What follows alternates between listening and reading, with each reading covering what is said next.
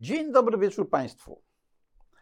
Dzisiaj, zgodnie z obietnicą z pierwszego odcinka, e, nie będę przynudzał sam. Zaprosiłem gościa. Znaczy, ja będę przynudzał, ale za to pan profesor Andrzej Dragan, mam nadzieję, że powie nam wiele ciekawych rzeczy. Dzień dobry wieczór. Tu Gwiazdowski mój. Robert Gwiazdowski. A mówi Interi. Zapraszam do swojego podcastu. Profesor jest fizykiem kwantowym. E, Niektórzy to nawet twierdzą, że może przyszłym noblistą. Ja tak kadzę, ale to tak usłyszałem, na fizyce się specjalnie nie znam. Natomiast zacząłem się zastanawiać, e, czy czasami tego, co profesor stosuje w fizyce, nie moglibyśmy zastosować do prawa i ekonomii czyli jakiegoś sposobu rozumienia otaczającej nas rzeczywistości. No bo na przykład e, siedzą tacy profesorowie i dostrzegają w konstytucji coś, czego tam nie ma. E, bo znaleźli w konstytucji ponoć takie twierdzenie, że sędziów do Krajowej Rady Sądownictwa mogą wybierać tylko sędziowie. No i nie jest to napisane w Konstytucji, ale ponoć wynika z ducha Konstytucji. To troszeczkę tak jak w fizyce. E, nie widać tej czarnej dziury, ale jak obserwujemy te tam inne gwiazdy, które wokół pomykają, e, no to wiemy, że ta czarna dziura jest. Najbardziej przypadło mi jednak do gustu to, co powiedział profesor na jakimś swoim wykładzie, że ci fizycy, no to tak przy piwie, na serwetce, tam sobie coś rysują. Od razu mi się przypomniał Lafer. Przecież Lafer swoją słynną krzywą narysował w knajpie w Waszyngtonie na serwetce podczas rozmowy z Jude Wanińskim. A poza tym profesor, jak pisze w swojej książce, e, jak mieszkał w Warszawie, to na Pradze. No czyli w zasadzie ziomal, no bo ja już mówiłem, że ja jestem z Grochowa, więc bardzo blisko, tamta strona Wisły, Wisły w każdym razie. Idźmy dalej. Uczył się szybko czytać, bo czytając tradycyjnie mówimy do siebie w myślach, to czytamy, dlatego nie jesteśmy w stanie czytać szybciej niż mówimy, a nie mówimy szybciej niż 300 słów na minutę. Święta prawda. Ja też próbowałem e, kiedyś e, się uczyć szybko czytać, ale nic nie rozumiałem, jak szybko czytałem. E, ale profesor pisze, że zaczął swoją przygodę intelektualną od Ditfurda. Na początku był wodór. No ja też zaczynałem od Ditfurda. Na początku był wodór, tylko ja niewiele z tego zrozumiałem. A profesor powie, e, dlaczego Ditfurd plecie bzdury. Mówiłem też już, że ciągle się mylimy. Ciągle siebie oszukujemy, siebie i innych. Znalazłem u profesora takie stwierdzenie, karmienie dzieci mlekiem i kłamstwem. Więc e, tak, to jest niestety nasza wada. E, od urodzenia ważne jest to tak, e, żebyście sobie zapamiętali, e, nie karmimy dzieci kłamstwem. Z punktu widzenia Ziemi, to jest znowu twierdzenie, które bardzo przypadło mi do gustu, gatunek ludzki jest co najwyżej niesfornym epizodem. No tak, a my się zachowujemy tak, jak my byśmy byli tutaj celem ewolucji. Tymczasem brytyjscy naukowcy badali zachowania zwierząt, które przechodziły przez jezdnię. I się okazało, że wśród tych zwierząt, jeśli chodzi o e, ilość prób i wypadków spowodowanych, e, to wygrywa świnia, a człowiek jest dopiero na czwartym miejscu. Ciekawe zresztą, e, na drugim, trzecim to jakie zwierzaki były? Nie wiem. No dobra, bo to jeszcze nie koniec pochwał pod adresem pana profesora. Ale to, to świnie trzeba chwalić, a nie mnie. Nie, e, świnia to obiektywnie się zachowuje lepiej na drodze od człowieka, ale żeby na to wpaść i to jeszcze ładnie opisać, to jest pewnego rodzaju sztuka, bo niektórzy mają taką nieśmiałość mówienia rzeczy, które mogą być odebrane e, jako niepoprawne politycznie. A proszę bardzo, pisze profesor tak. Niemal cała aktywność intelektualna ludzkiej populacji orbitowała wokół kwestii zdolności do spożycia okolicznej fauny i flory. Tak, my się głównie tym zajmujemy. W którymś z odcinków opowiadałem, jak to E, Wstawaliśmy rano, budziliśmy się w jaskini i zastanawialiśmy się głównie nad tym, co my dzisiaj zjemy. No i na podstawie tych wszystkich takich mądrych rzeczy zacząłem się zastanawiać, czy nie podpytać profesora o to, jak myślą fizycy i jak oni przy pomocy tego piwa i tej serwetki dochodzą do różnych rzeczy, na przykład takiej ciekawej jak ten nadświetlny obserwator. Jak to jest z fizykami? No fizyk to jest takie urządzenie do zamieniania piwa właśnie w twierdzenia. Y, Natomiast jeszcze odnosząc się do paru tych y, wcześniejszych wynurzeń, y, jeśli chodzi o kłamstwo, to ja, moja intencja była taka, żeby chwalić kłamstwo jako jak najbardziej cnotę, która pomaga nam wprowadzać dzieci w, w życie, którym muszą funkcjonować później. Dlatego rzeczywiście kłamstwo jest niezbędnym narzędziem edukacyjnym, żeby cokolwiek wytłumaczyć komukolwiek. No, y, tylko że jak y, podajemy kłamstwo jako prawdę, to y, wtedy może być kłopot. A jak podajemy kłamstwo jako przykład kłamstwa, ja stosowałem Żeby takie, wyjaśnić, takie że coś- rozwiązania. Żeby wyjaśnić, co się, że coś jest kłamstwem, trzeba powiedzieć, jaka jest prawda, to może być za trudne na początek. Więc A no właśnie. jak się dzieci hoduje, to się im najpierw mówi, że, że policjanci są dobrzy i łapią złych złodziei, tak? że pani w przedszkolu jest dobra, że przechodzi się przez jezdnię tylko na zielonym świetle i nigdy na czerwonym. I takie że te pół bzdury się dzieciom wygaduje, a później dopiero jak się sta, stają starsze, to się to odkłamuje. No, Dokładnie, jakbyśmy do, dokładnie tak samo się uczy studentów fizyki. Jak najpierw się im uczy, mówi o mechanice klasycznej, potem się im mówi o elektrodynamice klasycznej, potem się mówi, że to wszystko jest bzdura, potem się ich uczy teorii kwantowej, potem się mówi, że to też jest bzdura, bo trzeba to jeszcze skwantować drugi raz i tak dalej. To, to jest ciąg kłamstw, które są stopniowo odkłamywane. I gdybym miał od razu tłumaczyć swojemu no- narodzonemu dziecku, y, nie wiem, podejście do kwantowej grawitacji, bo to jest ta prawda, której poszukujemy, no to dziecko nic nie zrozumie, rozpłacze się i- i tyle będzie z tego gadania. Więc y, najpierw A ma profesor dzieci? Proszę? Ma no mam jedno, dzieci? tak. No i rzeczywiście tak. No, no oczywiście, że tak. No przecież nie, nie będę uczył dziecka kwantowej teorii pola, prawda? Tylko im najpierw, najpierw mu powiem, że trzeba jeść kaszkę. Y, A potem się okaże, że wcale nie trzeba, ale, ale póki co nie będziemy tego kwestionować. Więc naturalny proces edukacyjny zawsze wymaga kłamania i to jest, nie, nie można tego wyeliminować i lepiej, żebyśmy nawet nie próbowali z wielu powodów. A najważniejszy jest taki, że nawet jakbyśmy bardzo chcieli mówić prawdę i tylko prawdę, to się nie da, bo my rzeczywistości za bardzo nie rozumiemy. Czym jest prawda? I- Jesteśmy na jakimś tam wczesnym etapie rozumienia czegokolwiek, więc nawet jakbyśmy bardzo chcieli mówić prawdę, to i tak nie mamy jak. Więc jesteśmy skazani na kłamanie i ch- chcąc, nie chcąc, y, musimy się z tym pogodzić. No to do pewnego stopnia jest prawda, choć tak naprawdę nie wiadomo, co jest prawdą, i dlatego właśnie trudno mówić dzieciom prawdę, bo nie wiemy, co to jest prawda. Natomiast łatwo sfalsyfikować e, kłamstwo, znaczy wykazując, Nie, że nie wiem, czy łatwo, to nie jest prawda. Tak? tym, się- tym się nauka zajmuje. Nau- Nauka y, zajmuje się falsyfikowaniem. Nie, nie możemy nic udowodnić i ja, ja walczę z takim bzdurnym y, sformułowaniem udowodnić naukowo. Nie ma czegoś takiego jak udowodnić naukowo, bo się nie da. Możemy coś sfalsyfikować najwyżej. Więc Kopernik nie udowodnił naukowo, że się Ziemia kręci wokół Słońca, tylko pokazał, że jak y, wziąć punkt widzenia y, obserwatora, który umieszcza Słońce w środku układu odniesienia, no to ruch planet się staje bardzo prosty. I mamy prostszy opis planet dzięki temu, że zmieniliśmy punkt widzenia. Ale to nie znaczy, że punkt widzenia y, arystoteleuszowski jest, jest, jest sfalsyfikowany. No nie jest. To jest też możliwy punkt widzenia, tylko w takim układzie odniesienia, w którym Ziemia jest w środku wszech rzeczy, no to opis praw fizyki jest strasznie skomplikowany. I to wszystko. Nie, no dobrze, ale jak już się zastanawiacie nad tym światem i nad tymi prawami fizyki, no to e, wy je przecież odkrywacie, a nie tworzycie. No to ja nie będę tutaj się w, w taką filozofię czy tam zoofilię w, w, tej w, wkraczał, bo, bo to nie mi to stwierdzać. No generalnie y, celem nauki czy fizyki w szczególności jest odkrywanie prawdy o świecie, odkrywanie praw rządzących tym matrixem, w którym tkwimy. I to jest cel fizyki. Y, Czy to jest odkrywanie, czy nie, no na, nasz opis jest niedoskonały, więc jeśli przyjmiemy, że cokolwiek odkryliśmy już ostatecznie prawdziwego, to może jest to odkrywanie, ale wydaje mi się, że póki co mamy tylko jakieś proste modele, które w przybliżeniu opisują tę rzeczywistość i to nie jest jeszcze to, czego szukamy, więc trudno mówić o odkrywaniu czegoś, co jest błędne.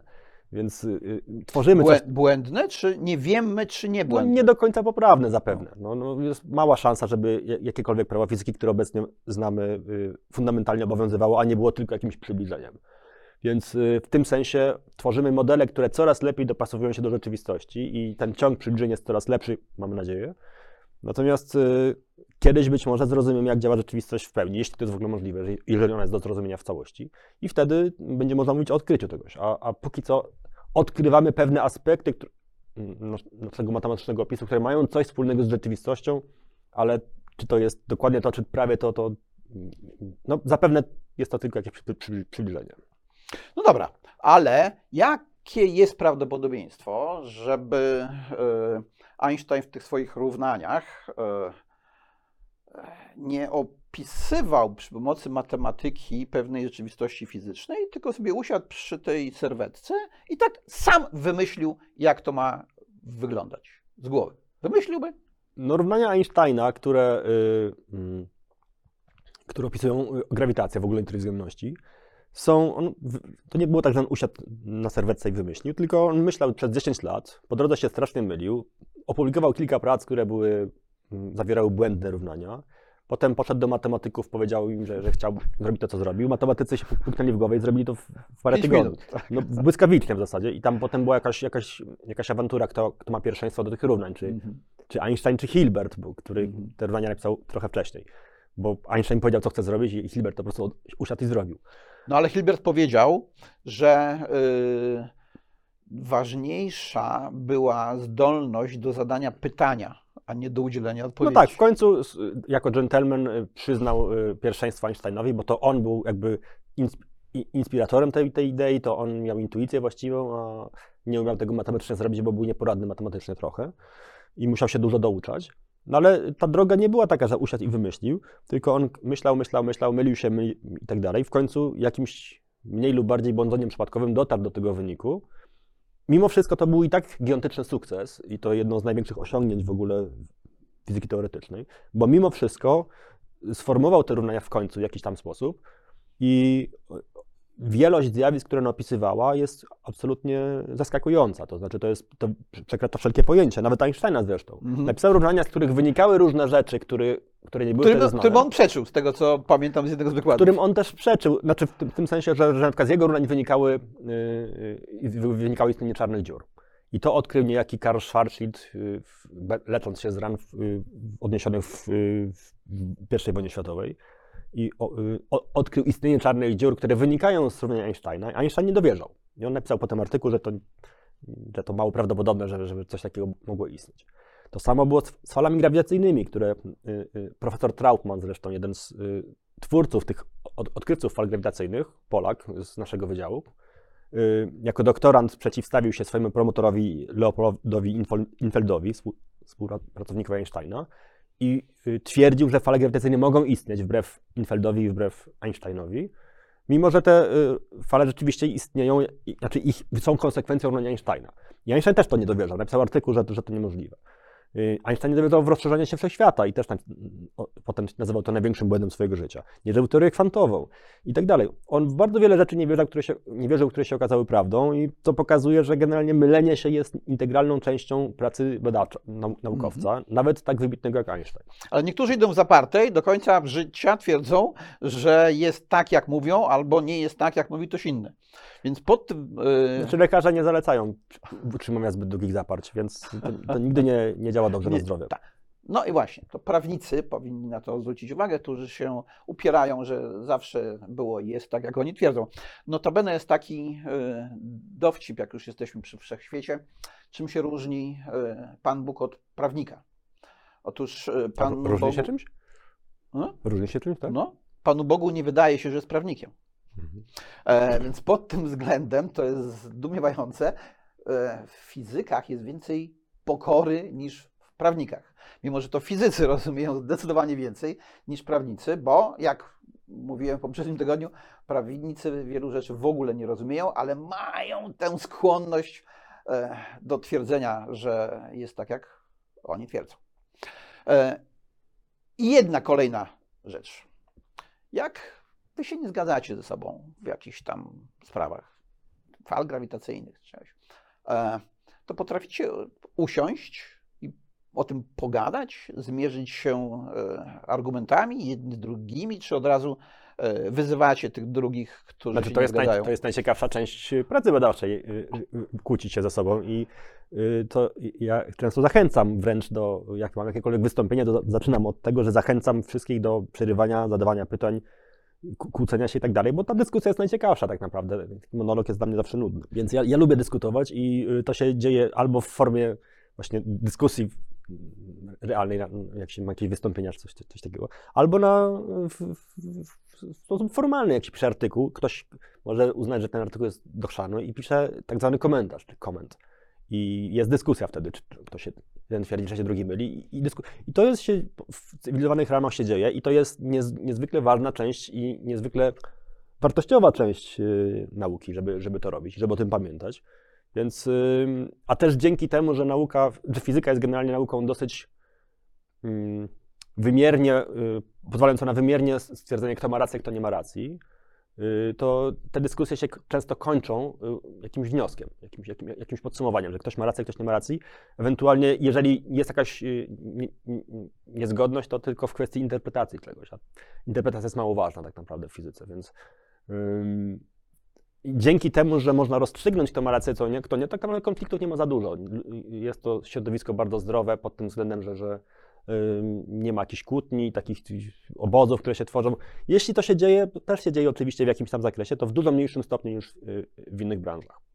No tak, tu prawnicy są w trudniejszej sytuacji, bo e, prawo jest nauką normatywną, to znaczy nie można e, pewnych rzeczy sfalsyfikować, mimo że da się pewne rzeczy sfalsyfikować w prawie. E, Taka ciekawostka, do której zaraz nawiążę, tak? E, Rozmawialiśmy z profesorem o celowości pewnych rzeczy. Jaki jest cel jakichś różnych regulacji? E, No i na przykład zastanawiałem się, jaki miał być cel regulacji takiej, że pewnego chłopca, który stracił w wypadku samochodowym, miał był mały braciszka i rodziców, a i kończyny, Fiskus postanowił opodatkować, jak ten chłopczyk dostał e, po 10 latach e, odszkodowanie i odsetki. E, od tego, że ubezpieczyciel e, się z nim procesował przez 10 lat i nie chciał od razu zapłacić tego odszkodowania. E, No i pytanie do naszych ustawodawców, czy mogli mieć taki cel? Oczywiście, że nie mogli, E, no ale prawnicy nie podchodzą, sędziowie nie podchodzą do tego zagadnienia tak jak ewentualnie fizycy, którzy zastanawiają się nad różnymi rzeczami. No ale jest konferencja. Wyobraźmy sobie, że e, zorganizujecie konferencję, na której e, omówicie ten wasz artykuł z profesorem Eckertem, no, drugi polski kandydat w przyszłości do Nobla, e, na temat nadświetlnych e, obserwatorów, który po, próbuje połączyć teorię względności e, z teorią kwantową. To zaprosicie na taką konferencję kogoś, kto napisał krytyczny artykuł na, w kontrze do waszego? No, Czy się zamkniecie w swojej bańce? Moi koledzy pisali artykuł krytyczny pod, pod, pod, pod naszym adresem i y, takie dwa artykuły się ukazały krytyczne. Jeden właśnie z kolegów z Poznania, drugi kolegów z Wiednia. I no i mieliśmy, najpierw żeśmy na ten, ten dyskutowali sobie mailowo i wymienialiśmy się różnymi op- opiniami. Oni pokazali nam swoją krytykę, myśmy na to spojrzeli y, przed publikacją jeszcze i, i, i zachęciliśmy do opublikowania tego, bo będzie fajna dyskusja. I, i y, to jest zupełnie normalny element dyskusji. My tak naprawdę nie, nie mamy pewności, w- przychodząc z jakimś szalonym pomysłem, czy to jest rzeczywisty opis y, naszego Matrixa, czy, czy, czy nie.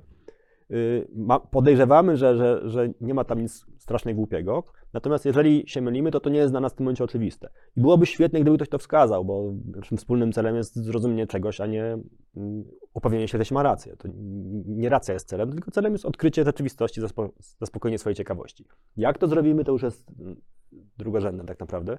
Więc ja tylko czekam tak naprawdę, jak, jak ktoś, ktoś wreszcie pokaże, że to jest kompletnie bez sensu. Póki to jakoś nikomu się nie udało, Yy, ale nie jest wyklu- wykluczone, że, że praca nasza, czy czyjakolwiek, yy, okazuje się błędna. To jest zupełnie normalne i nie ma się co obrażać.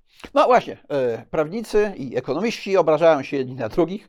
Notabene oni takich konferencji to nie organizują. Jak jest jakaś konferencja, na przykład na temat praworządności w Polsce i statusu sędziów w Polsce, to ci, którzy mają jakiś pogląd, organizują konferencję i y, dyskutują między sobą. Znaczy nie dyskutują, tylko e, się poklepują po ramionach. A ci drudzy, którzy mają inny pogląd, e, organizują drugą konferencję e, i też nie zapraszają na nią nikogo, kto ma inny pogląd i sami między sobą poklepują się po plecach, ale z punktu widzenia nauki, takiej prawdziwej nauki, jaką jest fizyka w odróżnieniu od prawa ekonomii, to to jest bez sensu. Znaczy to też y, należy zrozumieć, jakie jest źródło tego, bo ja powiedziałem o tym, że nauka jest, no, jest wymierna, można łatwo rozstrzygnąć, kto ma rację, kto nie. Nie zawsze łatwo, ale, ale w zasadzie to powinno być możliwe. W przypadku prawa jest ta trudność zasadnicza, że zbiór praw jest zazwyczaj wewnętrznie sprzeczny i to prowadzi do różnych problemów. Y, na przykład y, kolega Hilberta, albo antykolega Hilberta, Kurt Gödel, słynny logik, który program Hilberta, który chciał stworzyć matematykę od zera z kilku prostych aksjomatów, wywrócił do góry nogami, pokazując, że jakikolwiek prosty zbiór aksjomatów y, musi prowadzić do logicznych sprzeczności. I nie da się stworzyć takiej, tego programu Hilberta, stworzenia matematyki takiej pięknej od zera, y, nie da się tego zrobić. Y, Kurt Gödel później wyemigrował do, zresztą z Einsteinem do, do Ameryki przed wybuchem wojny bodajże. I na egzaminie z konstytucji, który musiał zdać, y, żeby dostać obywatelstwo, i na egzaminie z angielskiego, który musiał zdać, żeby dostać obywatelstwo, y, jakiś urzędnik się zaczął pytać Gedlak, jak mu się konstytucja podobała amerykańska. No, wtedy Gedel przeprowadził 20-minutowy y, wykład na temat wewnętrznych sprzeczności w konstytucji oraz na temat tego, jak w zupełnie legalny sposób prowadzić w Stanach Zjednoczonych zgodnie z konstytucją dyktaturę i tylko Einstein go jakoś wyratował z, z tego, żeby go stamtąd nie wywalili. Ale generalnie nawet konstytucja jest, jest, jest tworem wewnętrznie sprzecznym i, i inny logik z kolejny, Bertrand Russell, zresztą y, no, y, laureat Nagrody Nobla akurat z, z, literatury, żeby było zabawniej, i to za swoją własną autobiografię, to nie było, nie było takiego przypadku w historii wcześniej, y, zauważył, że, że jakiekolwiek dwa wewnętrznie sprzeczne stwierdzenia mogą w logiczny sposób doprowadzić do jakiegokolwiek wniosku, jakiego chcemy. I ktoś się go kiedyś zapytał, czy to prawda, że, że z, na przykład z, że z tego, że 2 plus 2 równa się 3, można udowodnić, że, że jest pan papieżem. Być oczywiście, że to prawda. Przecież jak weźmiemy równanie 2 plus 2 równa się 3, które jest nieprawdziwe, i odejmiemy od obu stron dwójkę, to dostajemy równanie 2 równa się 1.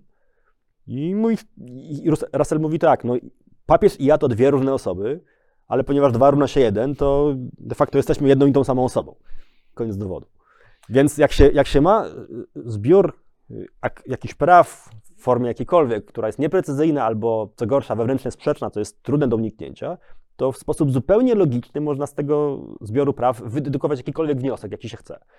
I, to jest zasadniczy problem prawa, że, że ono jest im bardziej nieprecyzyjne, tym więcej takich możliwości i tym więcej, tym większa rola interpretacji w, w, całej tej dyskusji. No i stąd te kłótnie, no bo jak, jak, jak mogę logicznie wyciągnąć wniosek A albo wniosek B, które są sprzeczne i nie da się rozstrzygnąć, kto ma rację, no to jest kłótnia i jest nierozstrzygalna. E, inspirując się historią Gedla i Einsteina, popełniłem kiedyś taki artykulik pod tytułem o sprzeczności konstytucji z konstytucją. Nie mówiłem oczywiście o amerykańskiej, e, tylko o polskiej, wykazując te sprzeczności. Gdzieś go tam Państwo na Interi znajdziecie. Ale profesor w tej swojej książce, bardzo zachęcam, kwantachizm, pisze jeszcze coś takiego, co przed chwilą powiedział. Nie da się udowodnić żadnego prawa przyrody. A żeby którekolwiek podważyć, wystarczy podać zaledwie jeden przykład. E, czyli generalnie rzecz biorąc, łatwo jest sfalsyfikować jakąś teorię, ale udowodnić jej prawdziwości generalnie się nie da. No nie da się, no, no nie da się. No, no dobra. A o logice. A o logice. Nauka nie udowadnia, a jedynie bada konsekwencje hipotez które dotąd nie zostały przez nikogo skutecznie podważone. I dalej, prawa logiki i wnioskowania też się nie udowadnia, tylko przyjmuje w formie aksjomatów wywiedzionych z naszego doświadczenia. No właśnie, jak brzmi taki e, jakiś e, aksjomat dla fizyka zajmującego się teorią kwantową, który ewentualnie e, można by było próbować uczynić e, aksjomatem powszechnie obowiązującym w innych dziedzinach nauki. Znaczy w ogóle jedynie fizyka stanowi prawo, a wszystko inne poza tym to są rekomendacje. Stanowi? Czy jest odkrywa? tylko fizyka jest prawem, a cała reszta to są tylko opinie i, i zalecenia tak naprawdę. Nie ma czegoś takiego jak, jak fundamentalne prawa wiem, y, us- ustroju jak, takiego czy innego, no, to sobie wymyślamy sami. Mhm. Nie wiem, czy jest jakieś prawo, które bezpośrednio można tutaj zastosować. No dobrze by było, żeby y, zbiór praw, które używamy, był wewnętrznie spójny, nie był wewnętrznie sprzeczny. Jeżeli chociaż to nam się uda osiągnąć, to już będzie bardzo dużo. Obawiam się, że, że im więcej praw mamy sformułowanych, tym, tym trudniejsze jest to zadanie, żeby dodając coraz to kolejne prawa nie, mieć, nie włapać sprzeczność logiczną z tym, co było wcześniej. Y, Żeby to było precyzyjne i, i, i niesprzeczne, to jest po prostu tru, trudna praca. I, I w związku z tym myślę, że w- tak mi się wydaje, że, że najrozsądniejszą rzeczą było ograniczyć liczbę praw radykalnie, żeby ich było jak najmniej, żeby były jak najprostsze i jak najbardziej czytelne. W taki sposób najlepiej, żeby y, y, osoba interpretatora tych praw, czyli prawnika, była y, jak najmniej potrzebna. Tylko, że oczywiście to nie jest do końca w, w, w zgodzie z interesami y, prawników, którzy chcą być potrzebni, więc stąd nie ma potrzeby, żeby prawa były proste, bo No wtedy tak, bo jakby- Panu Bogu nie wydaje się, że jest prawnikiem, tak? Prawa fizyki są bardzo proste. Jakby zbiór wszystkich praw fizyki, które obecnie znamy, tych najbardziej fundamentalnych, które obecnie na tym etapie rozumiemy jako najlepszy opis rzeczywistości, jaki mamy, to jest coś niezwykle prostego. Wszystkie te prawa często można nawet, t-shirty są, na których wszystkie prawa są umieszczone od A do Z i to jest tak, no, ja się śmieję, że instrukcja obsługi pra- pralki jest bardziej skomplikowana niż, niż, niż fundamentalne prawa fizyki. No tak, bo w instrukcji obsługi pralki to się zaczyna od tego, żeby nie wkładać palcy do gniazdka, tak? No, żeby nie, nie służyć pudla w pralce tak, i tak dalej. Tak jest. No i dobra. E, Generalnie rzecz biorąc, to wy w tej fizyce staracie się e, na język prosty przekładać skomplikowane prawa. Dobrze kumam? To znaczy, prawa, prawda jest taka, że ludzie w ogóle słabo, są słabi w rozumieniu czegokolwiek skomplikowanego i my, mówię o sobie przynajmniej, ja rozumiem tylko rzeczy proste, więc jak chcę cokolwiek zrozumieć, to muszę to najpierw sobie wytłumaczyć w prosty sposób i to jest ta zasadnicza umiejętność, żeby swoje moce przerobowe skierować na to, żeby coś, co wydaje się skomplikowane, wytłumaczyć sobie samemu, tak żebym mógł to zrozumieć. Y, No i to jest niezbędne, żebym mógł z tym dalej pracować. Jak sobie wyrobię jakieś intuicje na temat tego, jak, jaki jest mechanizm jakiś, który chcę zrozumieć, to potem jestem w stanie tym mechanizmem manipulować i coś z, niego pożytecznego wycisnąć. Ale y, no, rzeczywiście y, je, jednym z, jedną z umiejętności fizyków jest umiejętność zredukowania skomplikowanego zagadnienia do samego sedna. I to często polega na tym, że mam jakiś skomplikowany układ, który coś robi i trudność polega na tym, żeby zrozumieć, jaka jest najbardziej, jaka jest esencja tego, tego zagadnienia, jaka jest esencja trudności, usunąć całą resztę, która, która tylko przeszkadza w zrozumieniu i zostawić najprostszy możliwy szkielet tego, tego zagadnienia i jego przeanalizować dopiero. Jak już to zrozumiem, to mogę wtedy doło- dołożyć kolejne elementy, ale, ale taki redukcjonizm się nieźle sprawdza i dlatego y, jedną z tendencji w fizyce jest zredukowanie wszystkich praw do czegoś możliwie prostszego, takich najbardziej elementarnych praw, z których wszystkie inne wynikają.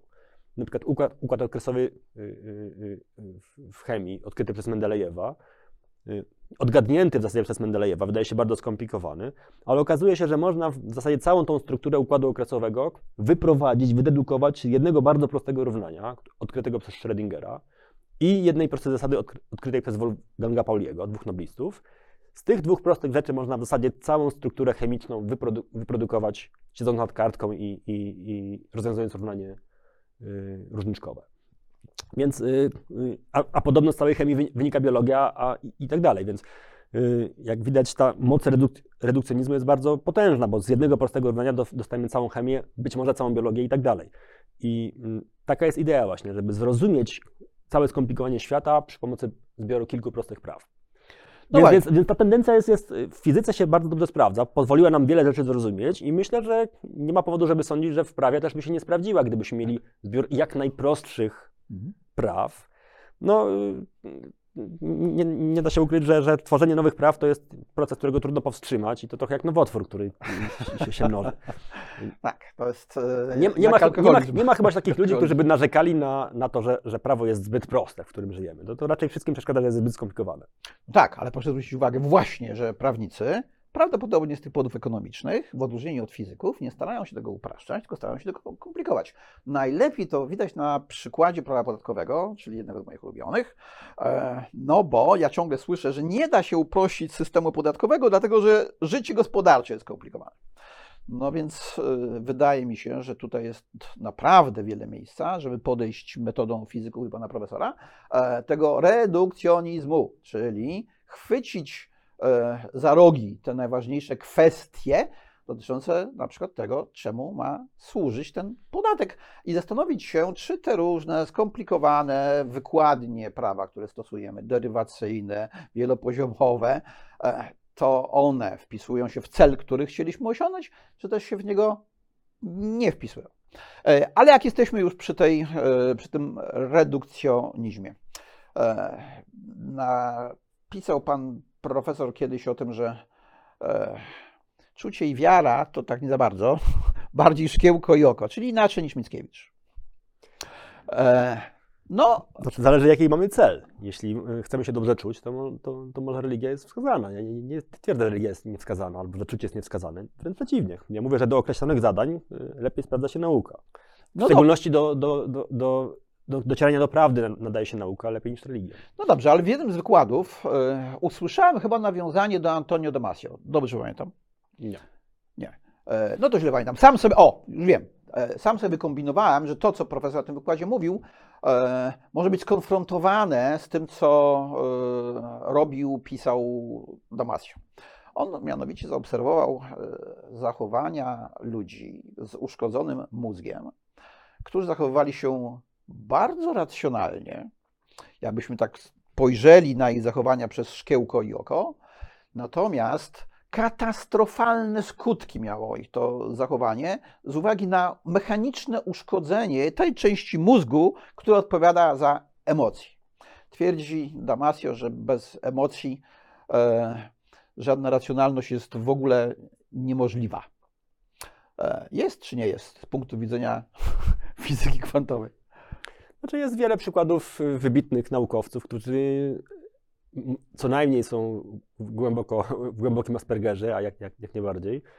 Y, są, są przypadki, jest taki mm, laureat, laureat medalu Fieldsa, matematyk, który nie wie, jak działa telefon, nie rozumie, jak działa telefon, bo w ogóle jest to dla niego koncepcja tak obca, że on w ogóle nie używa telefonu, bo nie wie, w ogóle nie rozumie, o co tutaj chodzi, mimo że jest wybitnym matematykiem. I to takie, takie sytuacje się, się zdarzają, że ludzie są społecznie bardzo upośledzeni, a zajmują się mimo tego albo dzięki temu y, na wysokim poziomie abstrakcyjną teorią. Więc trudno mi powiedzieć, czy to jest tak, że, że eliminacja procesów społecznych, umiejętności społecznych to jest, to jest zagłada racjonalizmu. Myślę, że niekoniecznie. Myślę, że to są do, do pewnego stopnia niezależne rzeczy.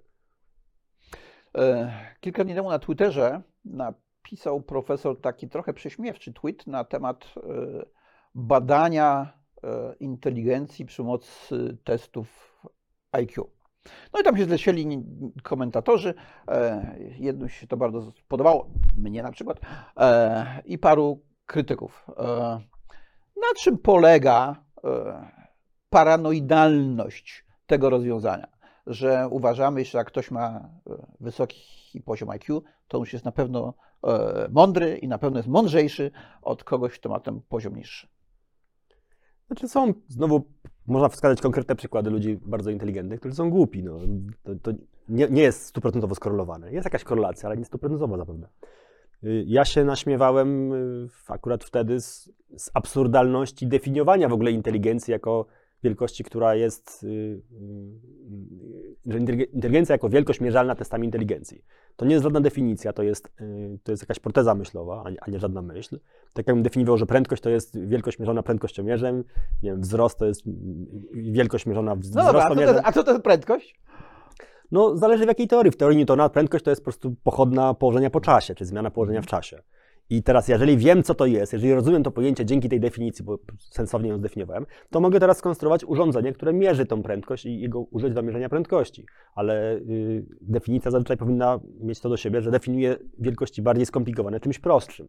A definiowanie inteligencji jako wielkości mierzonej testami na inteligencję jest o tyle absurdalne, że musiałem, zadam drugie pytanie, a co to są testy na inteligencję? No to, I odpowiedź jest taka, że to są y, testy, które mierzą inteligencję i w ten sposób dostaję zamkniętą pętlę i, i niczego się z tej pętli nie dowiaduje. I z tego się naśmiewam, że, że, że tak się definiuje inteligencja, albo definiuje się często, to robią zawodowi psychologowie, że, że inteligencja to jest umiejętność rozwiązywania trudnych problemów. A co to są trudne problemy? Jaką dokładnie cechą się w, w, że te mm, trudne problemy potrafi rozwiązać? To to jest kompletnie, to jest kompletna pustka i to jest problem z definicjami, że często one nie niosą żadnej treści. Zazwyczaj definicja nie niesie żadnej treści.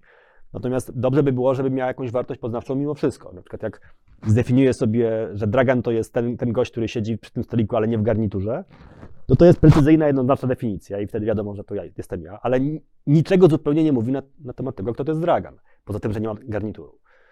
Więc mogę coś bardzo precyzyjnie zdefiniować jednoznacznie, ale nie dowiedzie się na ten temat zupełnie nic.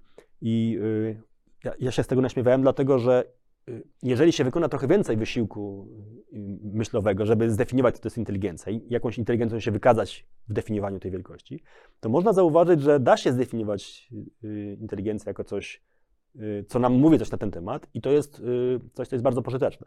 Mianowicie jest y, taka, taka możliwa hipoteza, że inteligencja to jest po prostu umiejętność dostrzegania analogii. I na przykład y, proste testy na inteligencję to są takie pytania typu, że ręka się ma do rękawiczki, jak noga do trzy kropki. Tak? I musimy znaleźć jakąś analogię między pierwszym i drugim stwierdzeniem i, i, i, ją, i, i ją zastosować. Ale na przykład y, metafora, y, sformułowana przez, przez kogoś, kto się w ogóle nie zajmuje y, y, liczbami, czy, czy, czy nie jest umysłem ścisłym, tylko przykład jest poetą, może być wyrazem nie, niezwykłej inteligencji. Człowiek, który za, zauważa pewną podobieństwo jednej rzeczy do zupełnie innej i łączy te rzeczy ze sobą w formie metafory. Więc są bardzo różne sposoby wykazywania się inteligencją. Nie, nie tylko umiejętność liczenia i, i, i tak dalej, i tworzenia szeregów liczb, ale, ale na przykład y, tak, ten przykład metafory jest, jest, jest czymś zupełnie innej konstelacji. I, mm, i, I dlatego trudno skonstruować jednoznaczną miarę czegoś takiego. Natomiast w przypadku y, sztucznej inteligencji, która się teraz rozwija, i to z tego powodu uważam, że to jest ważne, waż, dobrze, żebyśmy wiedzieli, jak tę sztuczną inteligencję mierzyć, bo to jest coś, co mamy pod o wiele większą kontrolą i możemy zastanawiać się, jak rozwijać te, te algorytmy sztucznej inteligencji. Jest taka nagroda przyznawana za algorytm sztucznej inteligencji, który będzie jak najlepiej kompresował dane. To brzmi jakoś bardzo dziwnie i, i nudno i nie wiadomo, co to ma wspólnego ze sztuczną inteligencją. Czyli algorytm, który ma wziąć duży plik i zrobić z niego plik o mniejszych rozmiarach. Otóż, żeby coś takiego zrobić, trzeba w takim dużym pliku, w duży, dużym ciągu danych zau- zaobserwować pewne, pra- Analogie. pewne analogie, pewne prawidłowości, które się powtarzają i jeżeli je dostrzeżemy, to będziemy w stanie ten plik skompresować, zakodować tę samą informację w mniejszym ciągu, ciągu liczb. I im lepsi będziemy w dostrzeganiu tych analogii, wyższego rzędu, bardziej skomplikowanych, bardziej subtelnych, tym lepiej będziemy kompresować te pliki. I nagroda za algorytm, który najlepiej kompresuje dane, jest, słu- służy właśnie temu, żeby rozwijać sztuczną inteligencję. I twórcy tej nagrody, to obecnie to jest chyba pół miliona dolarów, wierzą, że to jest droga do odkrycia coraz to lepszych algorytmów y, sztucznej inteligencji. I to jest bardzo ciekawe, dlatego że dzięki temu, że żeśmy coś sensownie zdefiniowali, wiemy o czym mówimy, y, jesteśmy w stanie zrobić krok dalej i stworzyć y, zadanie dla tego tak zdefiniowanej inteligencji, żeby ją rozwijać jak najlepszym stopniu. Więc w tym przypadku dobre zdefiniowanie problemu i używanie właściwych pojęć w, sposób sensowny, a nie idiotyczny, y, prowadzi do realnych korzyści. E, To określenie, że e, mierzymy inteligencję przy pomocy testów na inteligencję, e, od razu mi nasunęło porównanie z PKB, produktem krajowym brutto. E, Czyli to też jest taki test na e, rozwój gospodarczy.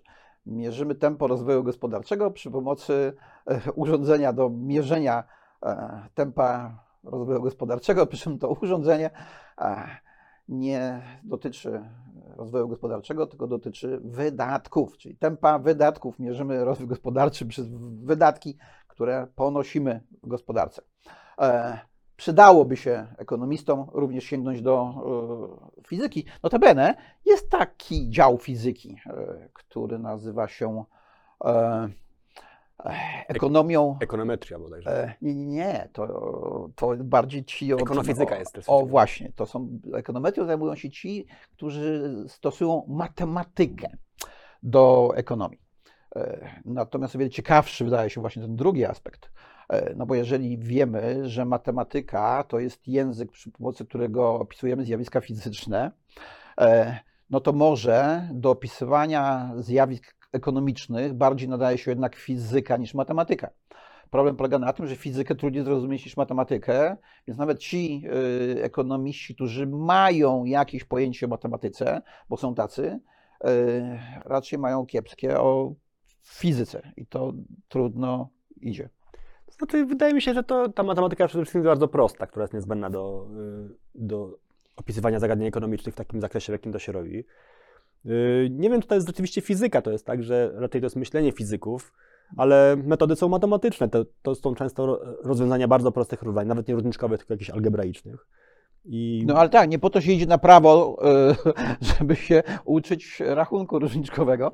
Idzie się właśnie po to na prawo, żeby nie mieć z tym nic wspólnego. Znaczy zasadniczą umiejętnością fizyków w ogóle to nie jest y, zna- znajomość praw fizyki, tylko to jest umiejętność szybkiego uczenia się i rozwiązania niestandardowych problemów. I dlatego w wielu firmach y, konsultingowych, analitycznych się zatrudnia bardzo chętnie fizyków, matematyków, y, informatyków, którzy nie mają żadnego pojęcia o tych rzeczach, których, którymi się mają zajmować, ale się mogą szybko nauczyć. Dlatego, że generalnie student fizyki to jest takie biedne stworzenie, które przez 5 lat nauki y, cały czas czegoś nie rozumie i cały czas się z tym męczy, i cały czas jest sfrustrowane i, i cały czas stara się coś zrozumieć i jak już się wreszcie coś uda zrozumieć, to potem się pojawia level 2, level 3, level 4 i tak dalej i znowu jest trudność i znowu się wali głową w mur i znowu się nie rozumie. Jest takie niekończące się zatwardzenie myślowe, że czegoś ciągle nie rozumiem, ciągle, ciągle tego nie rozumiem. Tylko po pięciu latach takiej męczarni wychodzi człowiek, który trafia na nowy problem, patrzę na niego i widzę, nie, nie wiem jak to zrobić, ale potrzebuję dwóch tygodni i będę wiedział, jakie jest rozwiązanie. Yy, Więc to jest umiejętność radzenia sobie z trudnością. Trochę jak na siłowni się wzmacnia mięśnie i na początku jest trudno i to boli, ale potem się człowiek przyzwyczaja i ten wysiłek się staje zupełnie normalny, nawet przyjemny. To samo jest z fizyką, tylko to jest w tym przypadku wysiłek umysłowy. Więc jak ja patrzę na przykład często na studentów pierwszego roku, którzy męczą się z czymś bardzo prostym, tak z perspektywy kogoś, kto się tym zajmuje od wielu lat, i, i sprawia im to wysiłek i się męczą, rzeczywiście już nie mają siły, już im głowy parują, yy, a potem patrzę na tych samych studentów parę lat później, kiedy oni na coś takiego to, to wzruszają ramionami i mówią, no ja- jasne, wiadomo jak coś takiego zrobić. I każdy nowy problem, który jest dla nich nierozwiązany, staje się mm, jakby źródłem wręcz satysfakcji, że można się tym zająć i ten wysiłek mm, jest łatwy, to to jest ta, ta cecha, fizyków, które, które oni potrafią. Patrzymy na, na nowe problemy i się ich nie boimy, tylko i się szybko uczymy. I, i taka, taka umiejętność jest cenna i być może wypracowanie takiej umiejętności w, w szerszych kręgach byłoby po- z pożytkiem dla, dla innych dyscyplin również. Natomiast y, praktyka jest taka, że wiele firm chętniej zatrudnia fizyków niż na przykład studentów SGH, którzy się w tym lepiej specjalizują, bo y, student SGH jest lepiej zorientowany, a fizyk się szybciej nauczy jak przyjdzie do pierwszego niestandardowego problemu, to, to będzie miał przewagę. No właśnie, jakbym zapytał studenta fizyki e, o jakiś problem podatkowy, to podejrzewam, że e, łatwiej uzyskałbym e, od niego po dwóch tygodniach albo po tygodniu jakąś logiczną odpowiedź niż od prawnika, bo ja staram się swoich studentów przekonywać, co mi ciężko idzie, że oni tu na prawo nie przyszli po to, żeby się e, nauczyć czegoś, najczęściej na pamięć, tylko żeby starali się zrozumieć pewne procesy, e, w których mają funkcjonować, właśnie jak w fizyce. No to jest akurat y, wielka wartość, bo ja na przykład niczego nie pamiętam. Ja, jeżeli o czymś mogę się wypowiedzieć, to tylko dlatego, że to rozumiem, a moja pamięć jest fatalna wręcz. Ja, ja wręcz aktywnie y, dążę do, do niezapamiętywania czegokolwiek i nie mam z tym żadnego problemu. Więc uczenie się pamięciowe w ogóle jest kompletnie niewskazane z z perspektywy fizyków. Jak przychodzi człowiek na egzamin i jest kompletnie obkuty ze wszystkiego, to, mm, to to nie jest zupełnie nic. Ja sprawdzam nie, czy on coś wie, tylko czy on coś rozumie. To jest zasadnicza różnica. I to bardzo łatwo sprawdzić. Człowiek coś, coś tam klepie i wystarczy mu zadać podchwytliwe pytanie, które go z tego, z tego utartego toru wy- wyprowadzi. I, I człowiek, który nie myśli, jest bezradny w tym momencie. I nauka fizyki po- polega nie na zapamiętywaniu czegokolwiek, tylko na rozumieniu możliwej, yy, możliwie dużej liczby rzeczy. I ja nie jestem w stanie czegoś pamiętać, ale jestem w stanie to zrekonstruować, bo rozumiem skąd to się bierze. O, jakby słuchali nas jacyś studenci prawa, na przykład też moi, to możecie zobaczyć, że to nie tylko Gwiazdowski wam tak przynudza na tym wykładzie, ale i kandydat do Nobla z fizyki mówi podobnie. Na szczęście Trzeba- to, to nie pan decyduje o tym, kto dostaje Nagrodę Nobla, bo to byłaby jakaś, jakaś katastrofa, gdyby tak było. E, e, jak e, patrzę na nagrody Nobla z e, ekonomii na przykład, nie mówiąc o pokojowych nagrodach Nobla, to tak sobie myślę, że ten komitet noblowski to tam spokojnie mógłbym zasilić. E, Zacznijmy i od tego, że pra- nie, nie, ma pra- czegoś, nie ma czegoś takiego jak Nagroda y, Nobla z ekonomii. To, to jest No, pierwsza jest rzecz. nagroda, ho, ho, ho, ho, nagroda Banku Szwecji e, imienia Alfreda Nobla, no bo Nobel nie ustanowił nagrody y, z ekonomii, bo mu się w ogóle nie wydawało, że to jakaś nauka, ale proszę zwrócić uwagę, że on nie ustanowił też nagrody z matematyki, ale to z zupełnie innych powodów, e, bo nie chciał nagrodzić y, kogoś, o kogo był zazdrosny w stosunkach z y, panią, która mu się bardzo podobała. Chyba jego żoną nawet. E, No więc y, nie ma takiej nagrody, ale ją przyznają, e, no ale pokojowa jest. E, No i też różni ludzie tę pokojową nagrodę Nobla dostają. Ja tak sobie myślę, że ktoś, kto ni- kompletnie nie jest fizykiem, mógłby y, nie wnieść dużo więcej, y, jak to się mówi w języku młodzieżowym, kichy do nagród, które są przyznawane w dziedzinie ekonomii czy y, w Z, dziedzinie z tymi nagrodami to jest śmiesznie, że, że, że zdarza się, że na przykład Kahneman dostał Nagrodę Nobla z, z ekonomii. Był Nobla, psychologiem. który jest psycholo- jest psychologiem, więc y, no nie wiem, byłby to obciach dla fizyków, gdyby jakiś matematyk dostał Nagrodę Nobla. Aczkolwiek w drugą stronę się zdarzało i medal Fieldsa y, dostawali fizycy. Y. Czyli na, na, odznaczenie dla matematyków najwyższe, więc no, myślę, że y, nie, wiem- nie wiem, co to znaczy tak naprawdę, ale, ale takie ciekawe przypadki się zdarzały. No tak, ale czy to by była naprawdę, e, tak sobie powiedział, jakaś straszna poruta dla fizyka, jakby nagrody z fizyki dostał matematyk? Nie, no trochę się wyzłośliwiam. Oczywiście, że to nic takiego nie jest prawdą, ale y, fakt jest taki, że, że z Nagrodą Nobla ludzie nie na- nadążają, bo jest tylu ludzi, którzy zrobili wybitne rzeczy, którzy czekają w kolejce, że to zasadniczą trudnością w tej nagrodzie jest, żeby do niej dożyć. Tak. Ale no dobrze.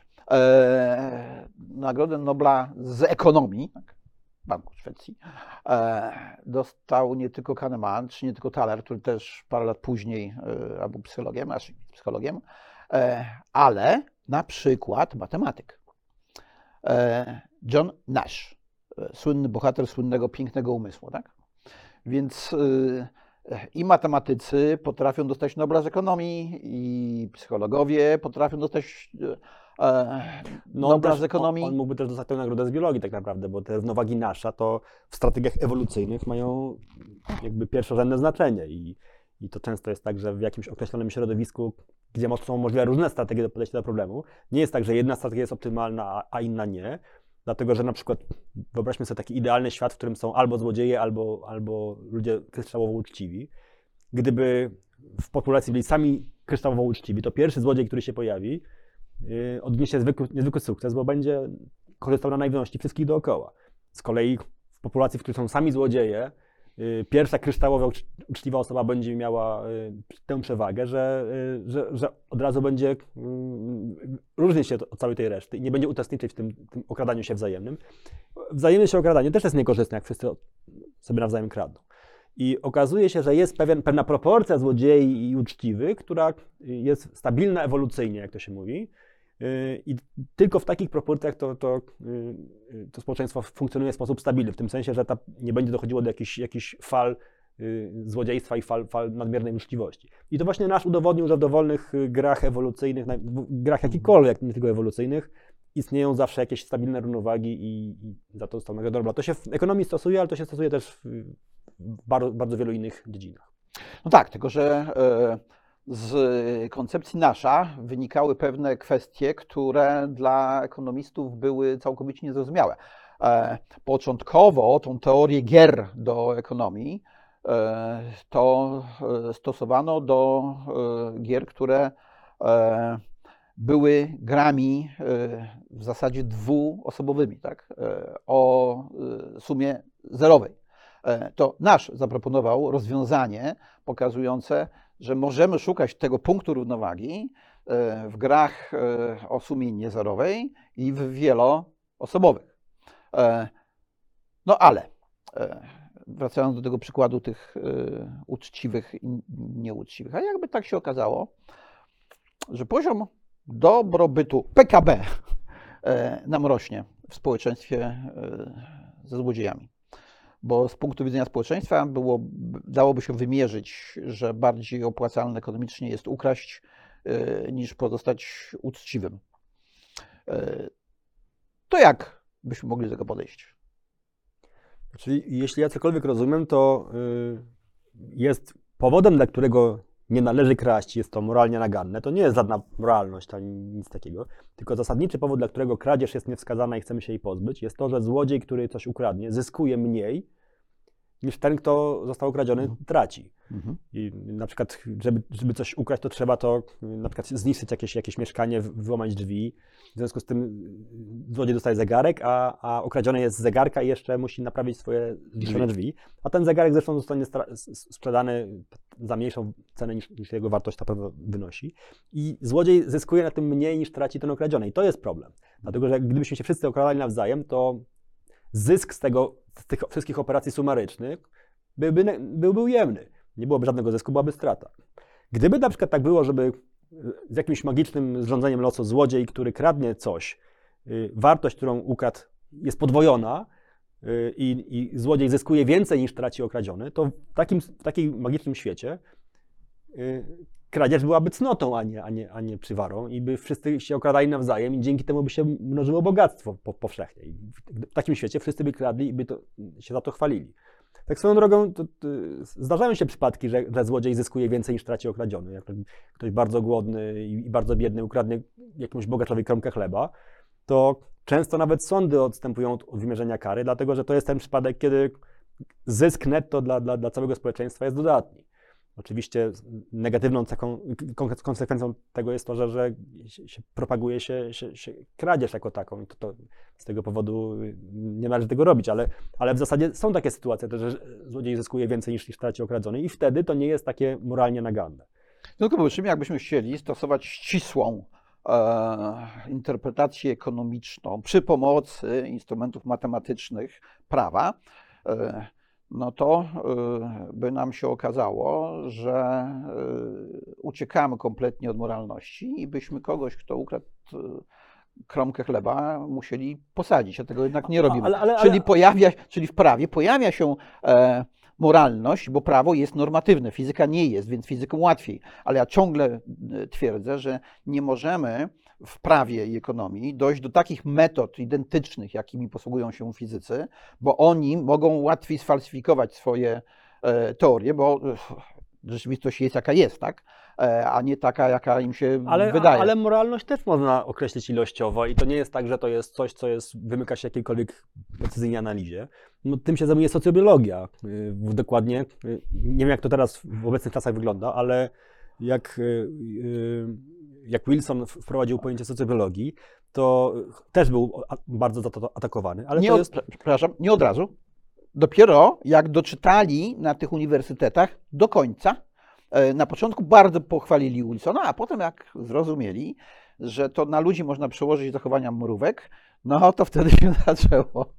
No, no, Wilson został wyklęty. Ale generalnie to nie jest tak, że, że, że mm, można zrozumieć za- zachowanie człowieka tylko posługując się moralnością. Dlatego, że tą moralność też można sprowadzić do, do gier ewolucyjnych, w, nie, w których nie ma de facto prawdziwego altruizmu, tylko jest tak zwany altruizm odwzajemniony. I ja pomagam tobie, ty pomagasz mnie i w ten sposób sobie jakoś nawzajem pomagamy i to nam wszystkim służy. Tak swoją drogą, y, jeśli chodzi o tą kradzież, to przecież kradzież jest bardzo powszechnie stosowana y, w, w, w majestacie prawa w, w świecie, w którym żyjemy. Jak ja biorę pożyczkę z banku, to ja de facto idę do banku wychodzę z, z workiem pieniędzy. To jakbym ukradł, ten bank. Tylko, że w tym momencie, jak biorę 100 tysięcy, to to 100 tysięcy więcej dla mnie warte, więcej warte dla mnie niż, niż 100 tysięcy, tylko na przykład 130 tysięcy, bo jestem w takiej sytuacji, że, że w tym momencie ta, ta stuwa liczy się dla mnie bardziej niż dla banku. Dlatego ją biorę. 20 lat później muszę przyjść ze swoim workiem pieniędzy i oddaję już więcej niż pożyczyłem. I to jest ta sytuacja, kiedy ja mam już te pieniądze, ale te pieniądze, które oddaję, są dla mnie efektywnie mniej warte niż to 100 tysięcy, które kiedyś pożyczyłem. Więc to jest tak, taka sytuacja, że ja najpierw okradam bank, potem bank okrada mnie i wszyscy się nawzajem okradamy, jesteśmy szczęśliwi. I to się nawet nie nazywa kradzież, tylko się nazywa pożyczka. Więc to jest przykład dokładny tej sytuacji, że, że mamy transakcję, która formalnie polega na, na tym, że jeden coś zabiera drugiemu, coś takiego nazywamy kradzieżą, tylko to robimy, y, na to się wszyscy godzimy, dlatego że na tym wszyscy korzystamy. I, i, I dlatego mówię, że kradzież jest zła, tylko dlatego, że złodziej traci, z- złodziej zyskuje mniej niż, niż traci okradziony. I to jest jedyny powód, więc prawa moralności często y, jest, głęboko w nie wierzymy, głęboko je czujemy, ale ich uzasadnienie bywa bardzo prozaiczne, bardzo często. Ja się śmiałem, jak e, profesor mówił o tej pożyczce, e, bo e, uważni widzowie to wiedzą, dlaczego się śmiałem, a profesor jeszcze nie wie. E, Więc Państwu chciałem powiedzieć, że myśmy się wcale nie umawiali, że będziemy e, poruszali ten temat, bo w poprzednim odcinku bardzo dużo mówiłem właśnie o kredycie bankowym e, i o mechanizmie, dzięki któremu on w ogóle funkcjonuje. Bo naprawdę ta koncepcja stosowania pewnych metod, podchodzenia do nauki fizyki i podchodzenia do nauki prawa jest czymś, co nie daje mi spokoju od dłuższego czasu, zwłaszcza jak zacząłem słuchać pana profesora e, wykładów, bo e, jest takie, często pan powtarzał, że ta cała teoria kwantowa to ona jest bardzo prosta, ale jest nieintuicyjna i dlatego my ją wypychamy. Więc ja chciałem powiedzieć, że y, strasznie mi przypadła do gustu ta y, teoria kwantowa, zupełnie bardziej od tych takich y, skrupulatnych rachunków i rozwiązywania zadań, które mieliśmy robić w szkole podstawowej. To mnie do tej fizyki zniechęcało. Fizyka kwantowa właśnie e, zaczęła mnie e, inspirować, bo e, myślę sobie, że tak jak fizycy odkrywają prawa boskie, boskie, tak my też możemy odkryć jakieś prawa boskie. No bo co prawda e, profesor na swoich wykładach często się naśmiewa z religii i z, e, i z filozofów w ogóle.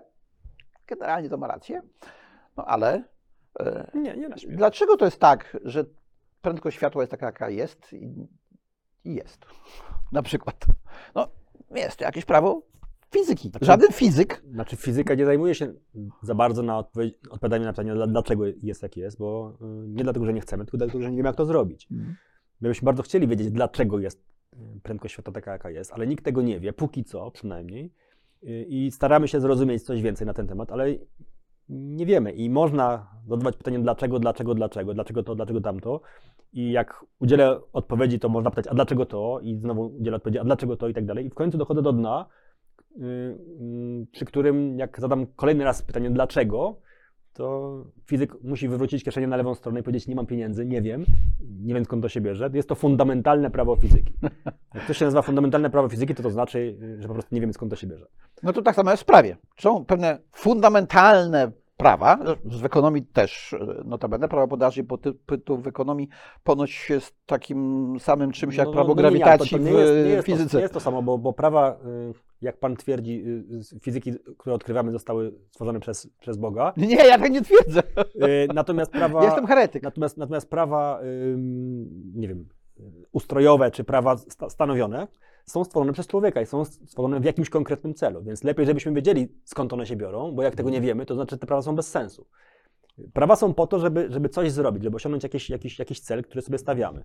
I dobrze, żebyśmy do, dokładnie rozumieli, po co są jakieś prawa, bo inaczej to, to jest kompletnie bez sensu. No ale jak sięgniemy do świętego Tomasza, e, to e, dojdziemy do wniosku, że te prawa, którymi mamy się stosować w takim życiu codziennym, no to one od Boga generalnie pochodzą. Jest coś takiego jak lex eterna, prawo wieczne. I to jest między innymi e, ta prędkość światła, te fale grawitacji, te czarne dziury, a ludzie to tylko mogą sobie je wyinterpretować, tworząc prawo ludzkie. Więc e, fizyk sobie interpretuje to, co e, widzi i czego nie widzi, bo to jest dosyć istotne. Nie widzicie przez czarnych dziur, a wiecie, że one są. Tak? No, ostatnio zaczęliśmy widzieć, bo, bo są nawet te fotograficzne rekonstrukcje czarnych dziur ostatnio się pojawiają. Natomiast y, co znaczy widzieć? No, człowiek, nie chodzi o to, żeby widzieć fotony, które wpadają do, do oka, bo to, to nie jest jedyny sposób widzenia. Aczkolwiek podobno nerdowskie pływaczki mogły.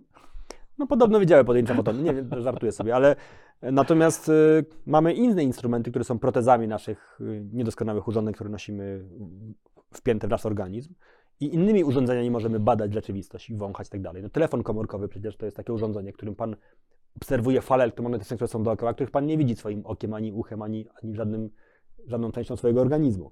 Więc to jest taka proteza organizmu, która używa innego rodzaju fal, które się rozprzestrzeniają w całej, w całej, w całej rzeczywistości. I takich urządzeń mamy bardzo dużo. Ostatnio takim urządzeniem nowym, który jest nowym sposobem patrzenia na świat, na, na wszechświat w, dużych skalach, jest urządzenie do mierzenia fal grawitacyjnych. E, Więc, więc takich, takich pro, mózgu to mamy coraz więcej i to jest pewien sposób, uogólniony sposób widzenia. No dobrze, ale y, i w fizyce, i w prawie, i w ekonomii mamy jakiegoś kogoś, jakiegoś obserwatora, który obserwuje ten nieboskłon, albo tam stara się zajrzeć do jądra atomu.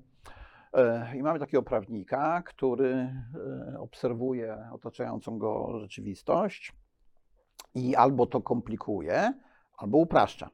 E, Taka informacja dla prawników, generalnie rzecz biorąc, kiedyś ci e, starożytni e, prawnicy, juryści, to oni właśnie tak podchodzili do skomplikowanych zagadnień. Oni starali się je uprościć. Stąd różnego rodzaju formuły łacińskie, których uczymy się często na pamięć, bo one pokazują, e, jak taki Ulpian na przykład w jednym zdaniu potrafił e, przedstawić zasady dotyczące skomplikowanej wymiany handlowej. E, Więc możemy to redukować tak jak fizycy, tylko z jakiegoś tam powodu nam się nie chce. Ale jest ten obserwator.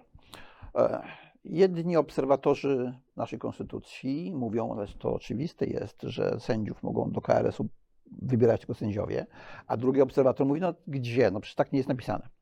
E, W fizyce też jest obserwator i też jest istotna rola obserwatora. I to jest jeszcze ten temat, który chciałem poruszyć.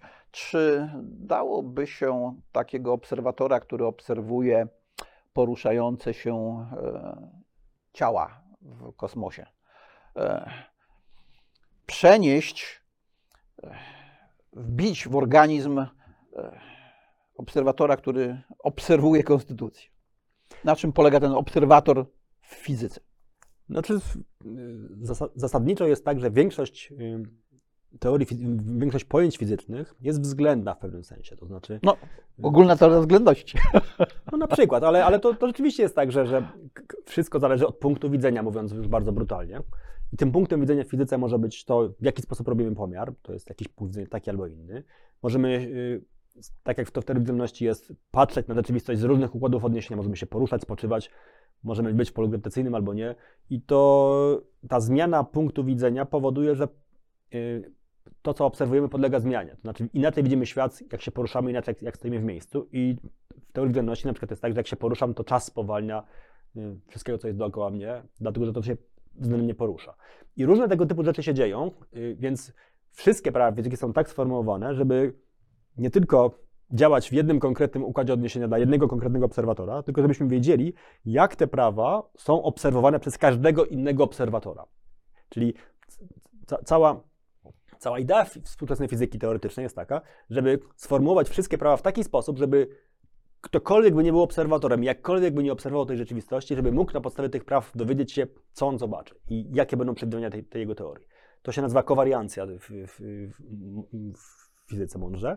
I to jest tak, ta praw fizyki oznacza, że niezależnie od tego, w jakim układzie odniesienia y, te prawa są sformułowane, czy kto jest obserwatorem, jak wykonuje pomiar, to te prawa jednoznacznie mówią, co się wydarzy. I y, wydaje mi się, że coś bardzo podobnego mm, ma miejsce też w przypadku prawa. No, w końcu prawo jest skonstruowane tak i po to, żeby zniechęcić ludzi do robienia pewnych rzeczy. Na przykład, że- żeby nie kradli, jak mówiliśmy o kradzeniu. Wprowadzamy prawo, które ma zniechęcić złodzieja, żeby kradł. I w tym celu musimy sobie wyobrazić, jak ten kodeks prawny wygląda z perspektywy kogoś, kto planuje kradzież.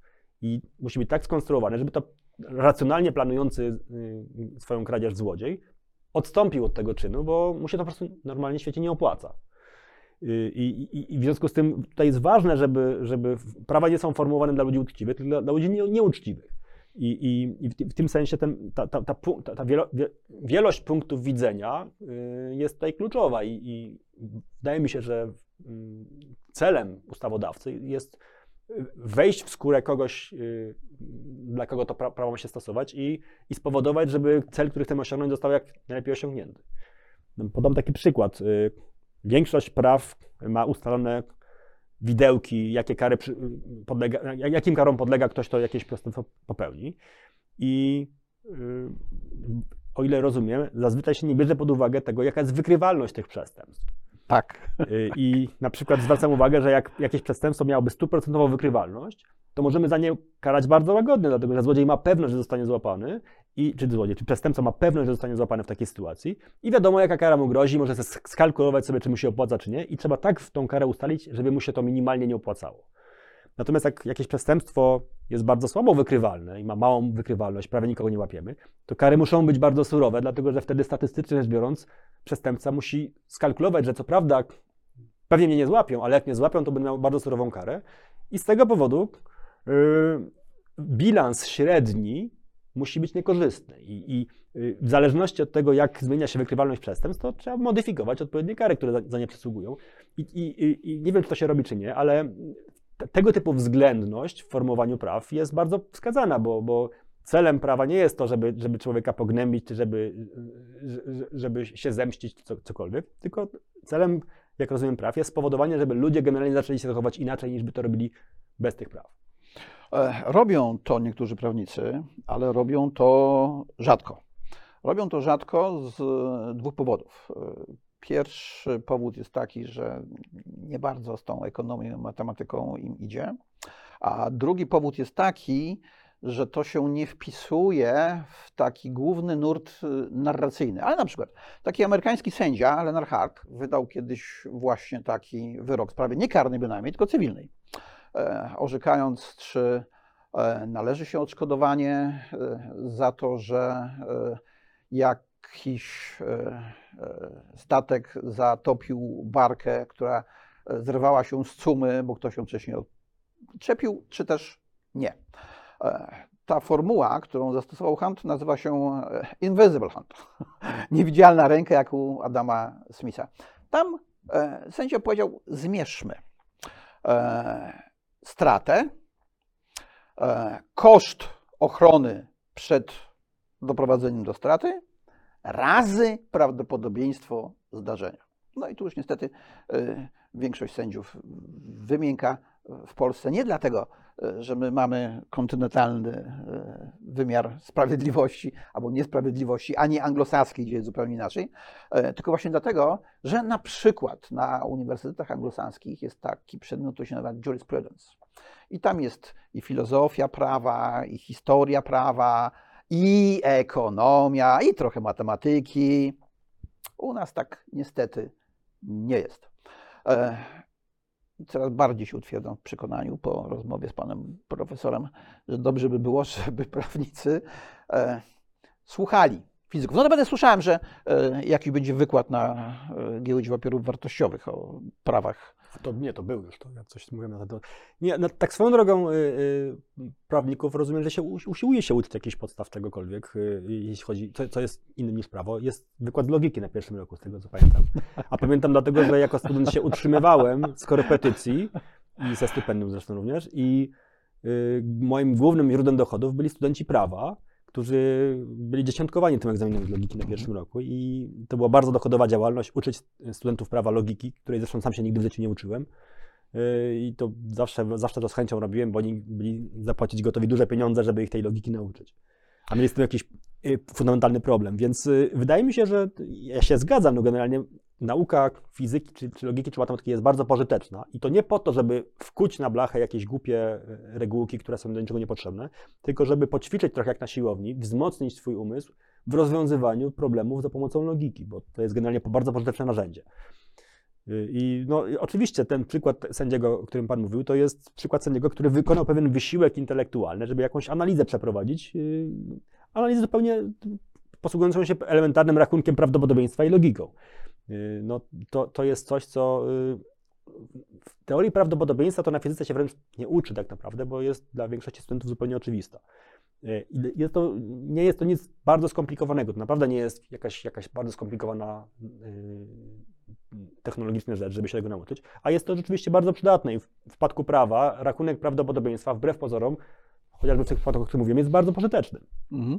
E, ja już żałuję, bo, e, że, że, ten wykład na giełdzie to już był, bo chętnie bym. E, A ja, ja tam powiedziałem, zdaje się, że, że maklerom, że, że sztuczna inteligencja to w pierwszej kolejności ten zawód wyeliminuje, więc nam, no, nie byli bardzo szczęśliwi. Suskin twierdzi, że sztuczna inteligencja to i prawników e, pozbawi roboty, aczkolwiek ja nie, twierdzę, nie tylko, że tak, fi- fizyków i biologów pewnie też. Znaczy już teraz nagroda Breakthrough w tym roku została przyznana w, dziedzinie life sciences, czyli dla biologów, Mhm. została przyz, przyznana algorytmowi sztucznej inteligencji, czyli uczenia maszynowego, yy, za ym, algorytmowi AlphaFold, który został skonstruowany przez firmę DeepMind i dwóch programistów odebrało nagrodę z biologii tegoroczną za rozwiązanie problemu, którego biolodzy molekularni nie byli w stanie rozwiązać przez kilkadziesiąt lat.